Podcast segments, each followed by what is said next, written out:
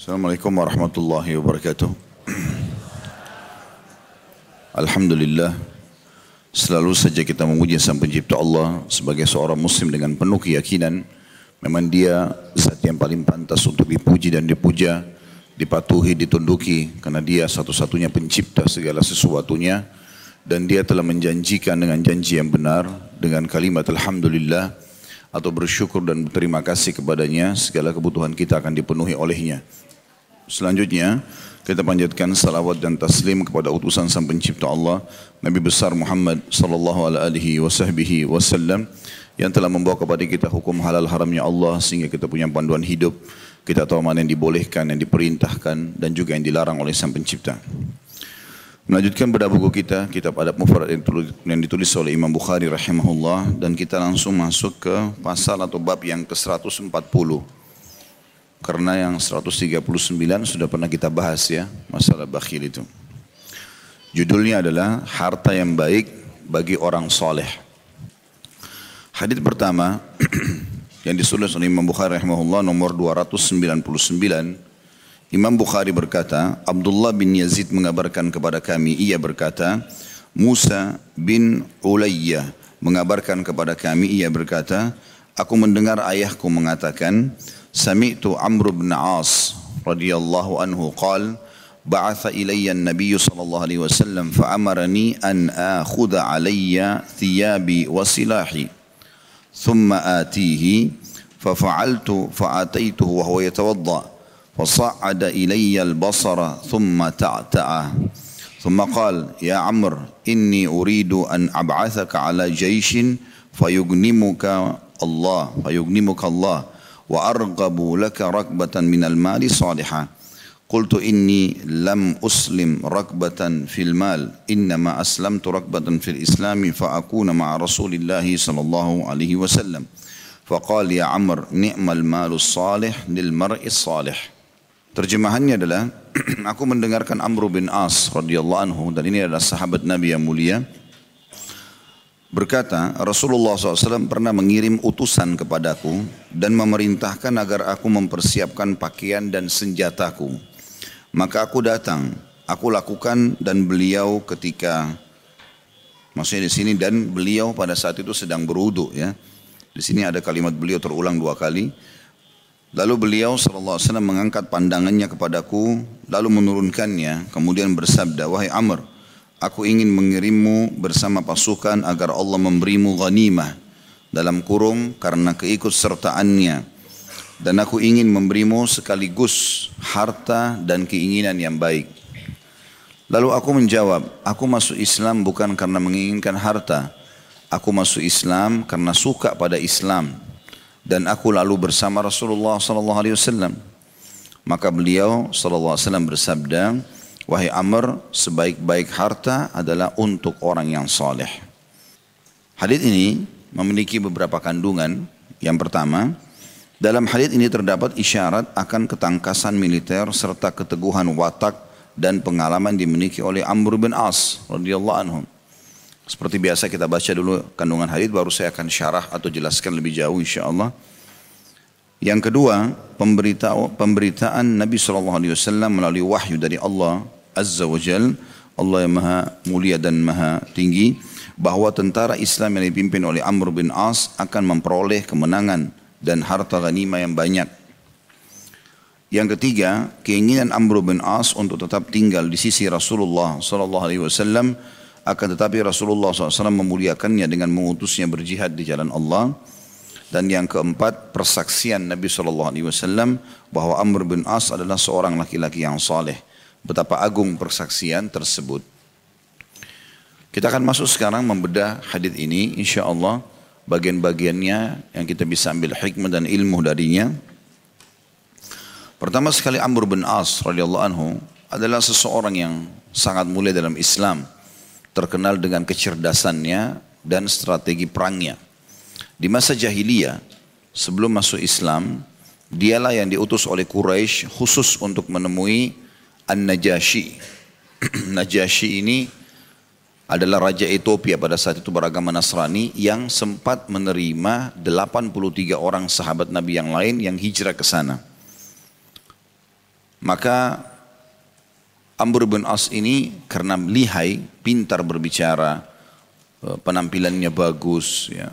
kemudian orangnya juga punya eh, ide-ide yang tidak semua orang miliki dalam perdagangan, dalam uh, peperangan dan seterusnya.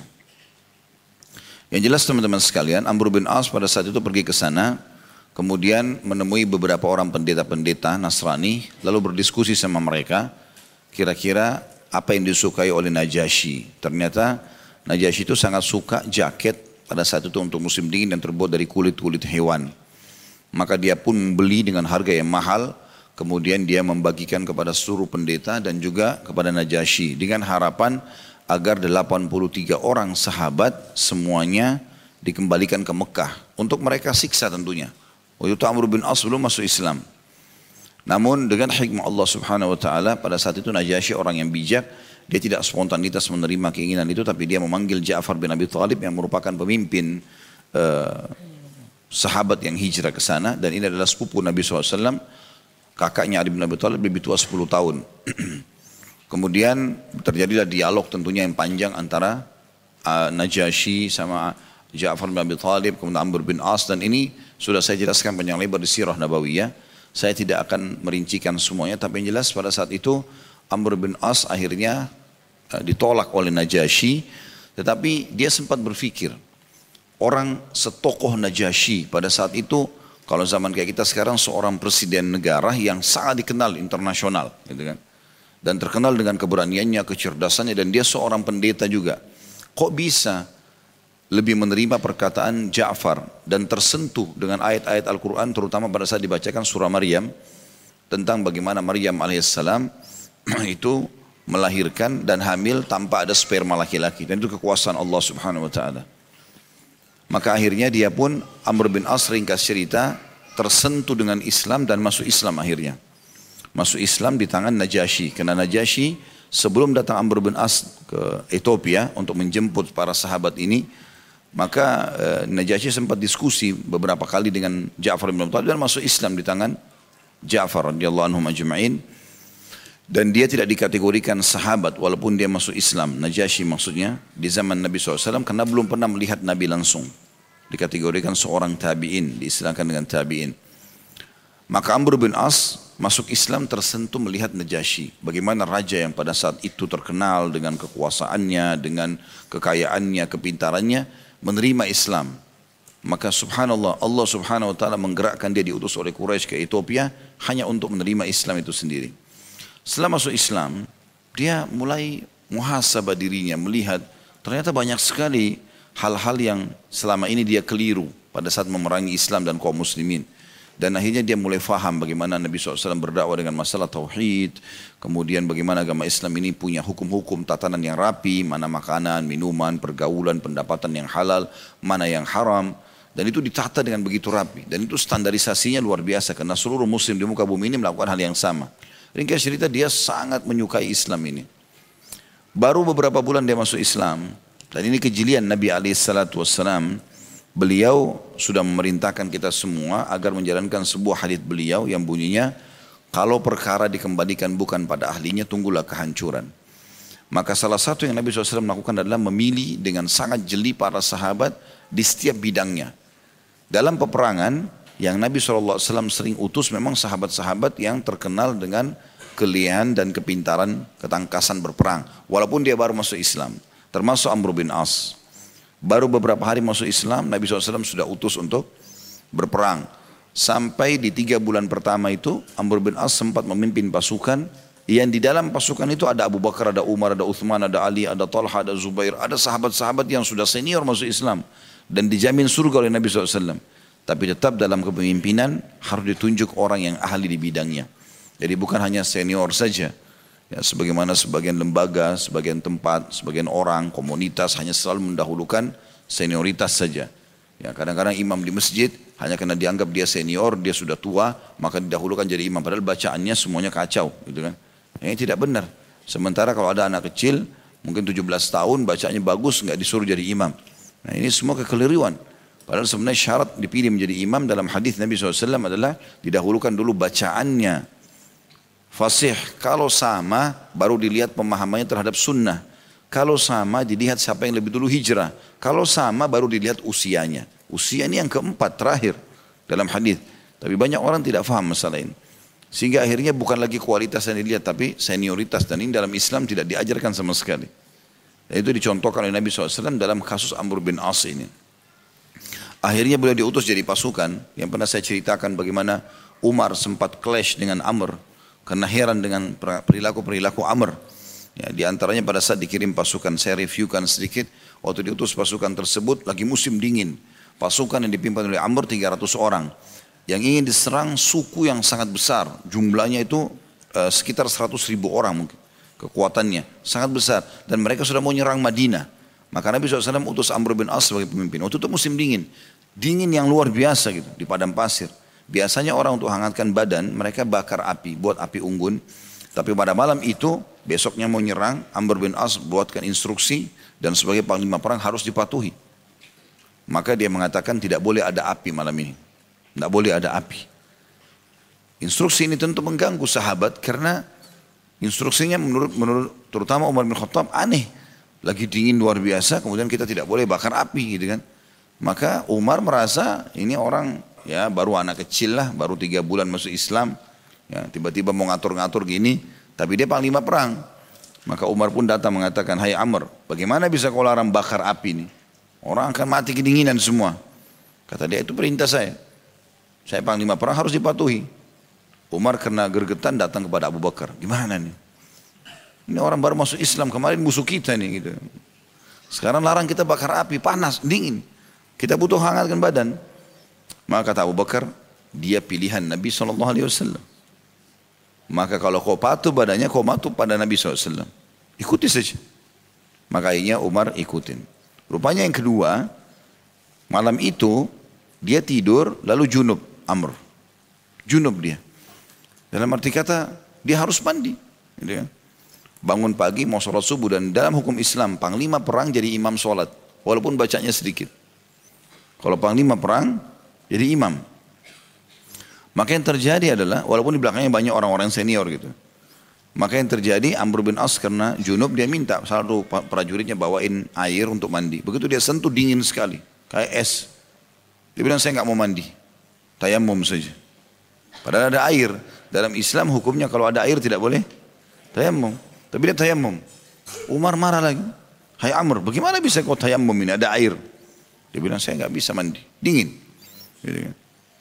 Maka dia datang lagi kepada Abu Bakar. Abu Bakar gimana ini? Masalah yang kedua terjadi lagi. Nih. Kata Abu Bakar dia utusan Nabi. Dia pilihan Nabi. Ikuti saja. Kita wajib patuh pada pemimpin. Ya sudah. Akhirnya ikut. Tapi Umar ini sudah jengkel. Ya. Habis sholat subuh, jadi Amr ini imami sholat, tayamum, semua makmumnya wudhu. Kan gitu. Ini hukum belum pernah terjadi pada saat itu. Akhirnya setelah habis sholat subuh, Amr bin As suruh menyerang dan menyeranglah pasukan dan setiap orang harus berdua. Tidak boleh pisah sama temannya. Dan ternyata berhasil. Dalam hitungan beberapa saat saja, suku itu mengira pasukan banyak karena masih gelap. Akhirnya mereka tidak jadi menyerang Madinah gitu. Nah biasanya tradisi kaum muslimin dari waktu itu bersama Nabi SAW, kalau menang mereka menangkap-nangkapi musuh sebagai tawanan perang. Ini tawanan perang banyak sekali bisa diraih darinya gitu. Dari sisi pahala kita disuruh berbuat baik, memberikan makan segala macam, mendakwahkan Islam padanya. Sisi yang lain secara dunia bisa ditebus oleh keluarganya atau sukunya sehingga dibayar gitu. Jadi ada dua sisi yang bisa dilihat gitu kan. Tapi waktu itu Amr bin As keluarkan instruksi yang lain, beliau, dia, beliau mengatakan tidak boleh sama sekali ada yang mengejar tawanan. Tidak boleh ada yang mengejar orang yang sudah lari. Kalau depan mata ditangkap oke, okay. tapi kalau dikejar nggak boleh. Umar marah lagi. Dari mana peraturan ini hai Amr? Selama ini Nabi biarkan kita terserah mau nangkap 10 orang, 20 orang. Kenapa sekarang kamu larangin? Dia bilang itu instruksi saya. Datang lagi kepada Abu Bakar. Hai Abu Bakar gimana? Utusan Nabi. Ini pilihan Nabi, jangan bantah. Nggak boleh. Gitu. Akhirnya jalan dan mereka pulang ke Madinah. Rupanya Umar gregetan nih. Pas tiba di Madinah karena kepemimpinan Amr hanya sampai di Madinah. Selama keluar dari Madinah masih pemimpin, panglima. Masuk Madinah sudah bukan, kembali kepada Nabi SAW. Begitu tiba di Madinah, Umar langsung hadap Nabi. Ya Rasulullah, Amr buat masalah nih. Tiga masalah besar. Dia sholat kami jadi imam, itu tayamum dalam keadaan junub. Yang kedua, dia larang, yang pertama dia larang membakar api untuk angkat badan, padahal dingin sekali. Pasukan kedinginan semua. Yang kedua dia imami sholat sementara dia junub. Yang ketiga dia larang kita tangkap orang. Musuh-musuh nggak boleh ditangkap. Nabi panggil Amr di depan orang-orang semua. Dan Amr ini baru tiga bulan masuk Islam. Tentu kisah ini bukan berarti Amr lebih afdal daripada Umar ya. Secara afdal dia tetap Umar lebih afdal dalam hukum syar'i. Ya, yang paling afdal adalah Abu Bakar, Umar, Uthman, Ali. Khulafa Rashidin baru datang setelahnya enam orang sahabat yang jamin masuk surga gitu kan. Talha bin Ubaidillah, Zubair bin Awam, Abdurrahman bin Auf, Salim bin Waqqas, Sa'id bin Zaid. Itu semua adalah orang-orang yang termuliakan dalam Islam. Kemudian ahli Badr dan seterusnya. Tapi kisah ini menunjukkan bagaimana Amr ini dipilih oleh Nabi SAW karena justru bidangnya, ahli di bidangnya. Seperti itulah. Maka Amr dipanggil oleh Nabi SAW tanya, kenapa ini keluhannya Umar, hai Amr? Kenapa kau larang bakar api malam-malam? Kata dia, ya Rasulullah, pasukan kita 300 orang. Anda menyuruh kami menyerang pasukan jumlahnya ratusan ribu, 100 ribu orang. Ini jumlah yang sangat besar, 300 lawan 100 ribu gimana bisa ketemu, nggak mungkin. Maka kalau dinyalakan api dan mereka tahu keberadaan kita, maka habislah kita ini. Sabar satu malam, tapi seperti anda lihat, kami berhasil menang.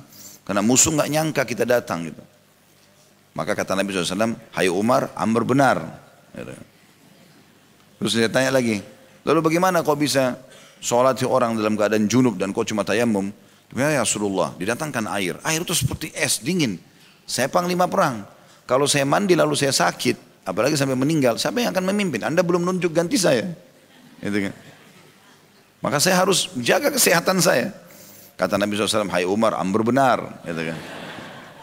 Ya juga benar nih. Karena hukumnya adalah dia panglima perang, nggak bisa. Dan sampai keluar, gara-gara kasus ini keluar hukum dalam buku-buku fikih, bolehnya imam yang bertayamum mengimami sholat orang yang wudhu. Asal dia punya udur syari.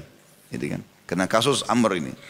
Kemudian yang ketiga, kenapa kau tahan orang tidak boleh nyerang, nangkap-nangkapin tawanan? Dia bilang, ya Rasulullah, jumlah 300 orang. Ini suku besar. Kalau kita mengejar seperti itu akan kelihatan jumlah kita. Sekarang kita berkumpul tidak kelihatan.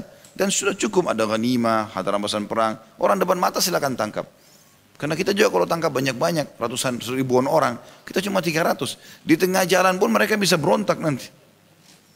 Maka kata Nabi SAW, wahai Umar, Amr benar. Tapi di sini kita bisa lihat bagaimana kejelian Nabi SAW memilih seorang panglima perang. Dan ini penting. Tidak penting dia baru masuk Islam atau sudah lama masuk Islam. Yang penting dia mahir di bidangnya. Gitu kan? Dan kita sebagai seorang muslim diperintahkan agar menguasai bidang yang sedang kita geluti. Kata Nabi SAW dalam hadis sahih, Inna Allah yuhibbu min abdin idha amila amalan an yutkinahu. Allah sangat suka hamba yang kalau mengerjakan satu perbuatan dia menguasainya. Itu pelajaran pertama tentunya tentang Amr bin As. Ada kisah panjang tentang beliau tentunya. Tentang kecerdasannya, bagaimana setelah masuk Islam. Banyak hal yang dia lakukan kiprah-kiprahnya. Termasuk di zaman Umar sendiri, Umar tunjuk dia menjadi gubernur di Mesir. Ya, dan Mesir wilayah baru, di, baru dimenangkan pada satu dan dialah yang memberikan ide kepada Umar bin Khattab agar meng, mengekspansi Islam, kirim pasukan ke Mesir. Dan akhirnya Afrika Utara, Mesir, Tunis, Jazair, Maroko termua terbuka Islam. Dan Afrika hanya terbuka Islam. Kata sebagian ulama, seluruh Islamnya, seluruh Islam yang masuk ke Afrika, Amr bin As yang panen pahalanya. Karena dia memang yang memberikan ide awal dan dia sendiri jadi panglima perangnya pada saat itu. Itu pelajaran pertama. Pelajaran yang kedua, perkataan Amr bin As, ba'atha ilayya an-nabiy sallallahu alaihi wasallam fa'amarani an akhudha alayya thiyabi wa silahi. Nabi wasallam mengutus seseorang kepadaku agar aku mempersiapkan baju dan alat-alat perangku. Maksudnya adalah Nabi SAW ingin Amr bin As memimpin sebuah pasukan. Tentu dalam hadis ini tidak disebutkan pasukan yang mana dan memang Amr bin As memimpin beberapa kali pasukan. Apakah itu pasukan yang tadi kita ceritakan atau yang lain? Allahu alam. Tapi yang paling tenar, ya, yang paling dikenal peperangan Amr bin As adalah peperangan tadi yang berhasil mengalahkan salah satu suku yang akan menyerang Madinah. Kemudian dikatakan thumma ati fa fa'altu fa ataituhu wa huwa yatawadda. Ini masih pelajaran yang kedua. Amr bin As mengatakan lalu aku mendatangi Nabi sallallahu alaihi wasallam sesuai dengan undangan beliau. Lalu pada saat aku datang beliau sedang berudu.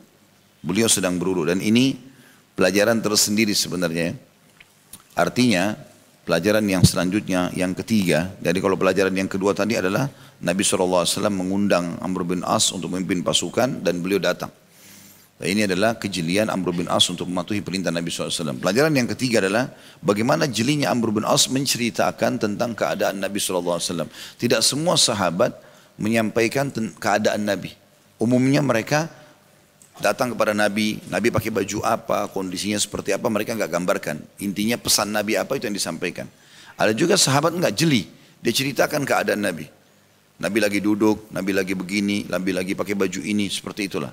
Di sini kita lihat Amr bin As jeli menceritakan. Mungkin pada zaman itu orang tidak terlalu merasakan manfaatnya. Kalau kita sekarang merasakan manfaatnya. Sebab dia seakan-akan menceritakan lagi apa yang dia dari Nabi dia ceritakan. Dan ini manfaatnya bagi kita besar. Dalam arti kata kita jadi seakan-akan hadir dalam kisah itu. Bukan cuma pesan wahyunya, tapi kondisi dan keadaan Nabi SAW digambarkan. Karena dia bilang, aku pun datang, dan aku melihat Nabi sedang beruduk. Fasa'ada ilayyal basar thumma ta'ta'a. Kemudian dia lagi habis selesai wudhu, dia mengangkat pandangan matanya ke arahku, kemudian dia pun menurunkannya. Ini menggambarkan kondisi Nabi pada saat itu. Tentu ada pelajaran lain di sini ya. Bagaimana Nabi SAW itu sangat santun, ramah. Beliau kalau mau menyampaikan pesan tidak melotot-lotot sama orang walaupun beliau pemimpin. Tapi beliau melihat sekali lalu kemudian menurunkan pandangan sambil ngomong. Karena bentuk ketawaduan atau merendah. Gitu kan. Biasanya orang sebagai pemimpin kasar sekali. Ngomongnya keras, melotot sana sini. Seakan-akan bawahannya itu bukan manusia. Ya. Bukan seperti dia. Maka dia harus menindasnya, dia harus keras dan seterusnya. Itu keliru. Kalau dalam syariat tidak seperti itu. Kita bermuamalah ya, dengan cara bertawadu. Kita cukup, dia sudah tahu kita pemimpin. Cukup instruksi kita didengarkan. Tentu kalau dia melanggar dihukum. Tetapi bukan berarti kita harus menindas manusia, gitu kan?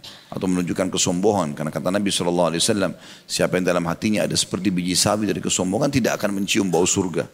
Jadi kita nggak boleh sama sekali melakukan perbuatan tersebut. Ini pelajaran yang ketiga, bagaimana Amr bin As menggambarkan tentang kondisi Nabi alaihi salatu wassalam. Dan ini penting tentunya. Jadi misal contoh, ya, kalau di zaman sekarang teman-teman belajar dari seseorang yang Allah berikan ilmu misalnya, lalu untuk menggambarkan misal nanti ilmu itu mungkin akan didengar oleh orang-orang yang akan datang. Saya pernah mendengar dari syekh di masjid ini, di, di, di hari ini, kalau kita sekarang jam sekian gitu kan, pada saat itu jemaah yang hadir sekian banyak, mungkin dia gambarkan begitulah. Mungkin bagi orang di tempat itu tidak terlalu besar manfaatnya, tapi orang yang datang setelahnya punya gambaran. Contoh misalnya, Pernah ada orang menggambarkan, dia murid Imam Ahmad, dia menggambarkan.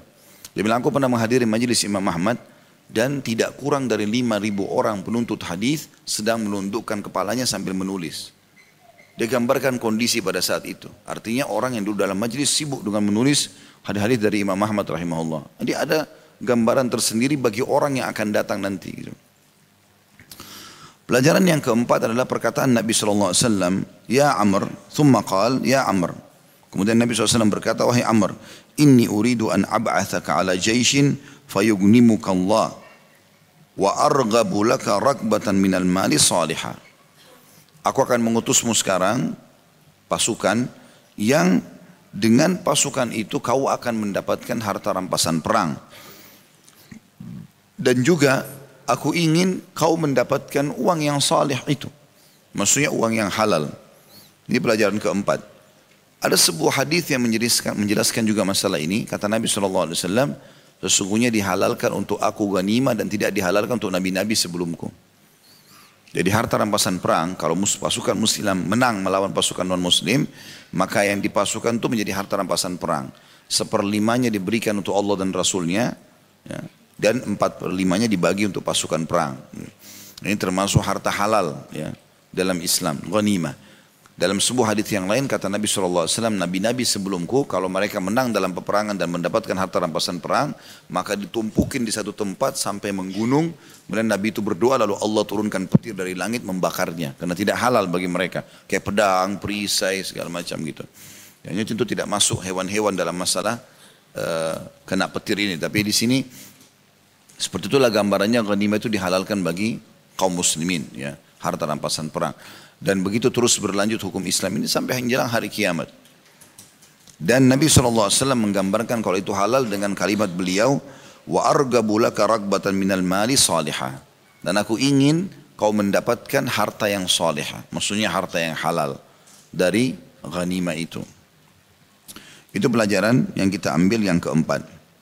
Kemudian pelajaran yang kelima, Amr bin As merespon itu sambil mengatakan, Kultu inni lam uslim ragbatan fil mal innama aslamtu ragbatan fil islami fa'akuna ma'ar rasulillahi sallallahu alaihi wasallam Sesungguhnya aku masuk Islam bukan untuk mengejar harta.